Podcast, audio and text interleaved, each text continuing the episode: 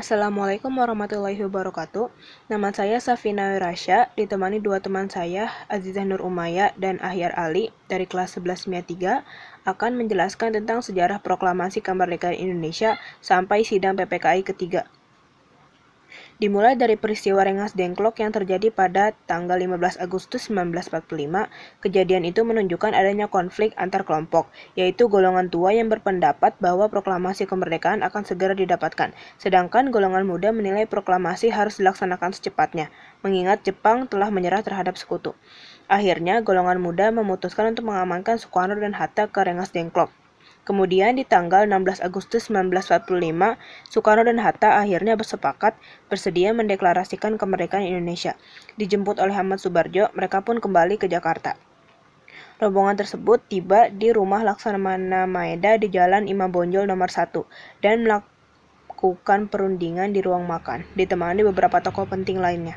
Setelah itu, naskah proklamasi diserahkan kepada Sayuti Melik untuk diketik. Setelah pertemuan dini hari tersebut, Soekarno mengusulkan agar naskah dibacakan di lapangan Ikada. Namun, Soekarno menilai pembacaan proklamasi lebih aman dilakukan di rumahnya, di Jalan Pegangsaan Timur nomor 56. Detik-detik proklamasi dilakukan pada tanggal 17 Agustus 1945. Tepat pukul 10 pagi, Soekarno didampingi oleh Hatta pun membacakan teks proklamasi. Suasana rumah sang proklamator juga dipadati oleh sejumlah orang sebagai saksi. Terima kasih Ayu untuk penjelasan proklamasinya. Selanjutnya bagian saya, Aziza Rumaya, untuk menjelaskan apa itu PPKI. PPKI sendiri dibentuk untuk membahas hal-hal praktis mulai dari pelaksanaan proklamasi kemerdekaan, penetapan dasar negara dan simbol negara, hingga kebutuhan lembaga negara. Secara umum, kepanitiaan ini berjumlah 21 orang yang berasal dari berbagai provinsi di Indonesia. Banyak ya. Organisasi ini memiliki nama lain Dokurinsu Jumbi Ingkai dan diketuai oleh Soekarno dan didampingi Muhammad Hatta.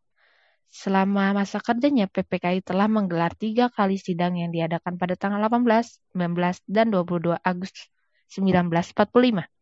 Berikut ini hasil hasil sidang PPKI yang diadakan pada tanggal 18, 19, dan 22 Agustus 1945.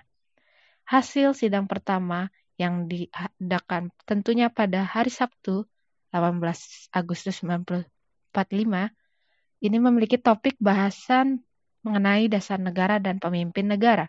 Sidang 1 PPKI tersebut menghasilkan tiga keputusan penting, yakni pertama, menetapkan dan mengesahkan Undang Dasar 1945, kemudian kedua, mengangkat IR Soekarno sebagai presiden dan Dr. Muhammad Hatta sebagai wakil presiden.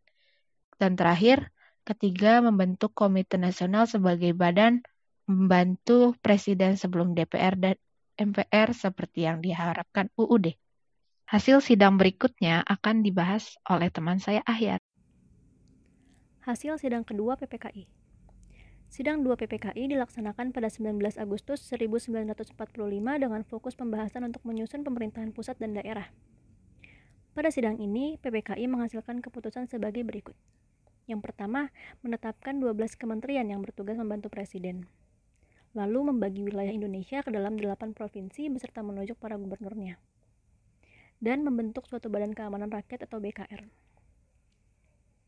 Hasil sidang 3 PPKI Pada tanggal 22 Agustus 1945, sidang 3 PPKI berfokus dengan merancang lembaga tinggi kelengkapan negara dan menghasilkan keputusan berikut. Yang pertama, membentuk Komite Nasional Indonesia Pusat atau KNPI yang berpusat di Jakarta. Selanjutnya menetapkan Partai Nasional Indonesia atau PNI sebagai satu-satunya partai politik di Indonesia dan membentuk Badan Keamanan Rakyat atau BKR.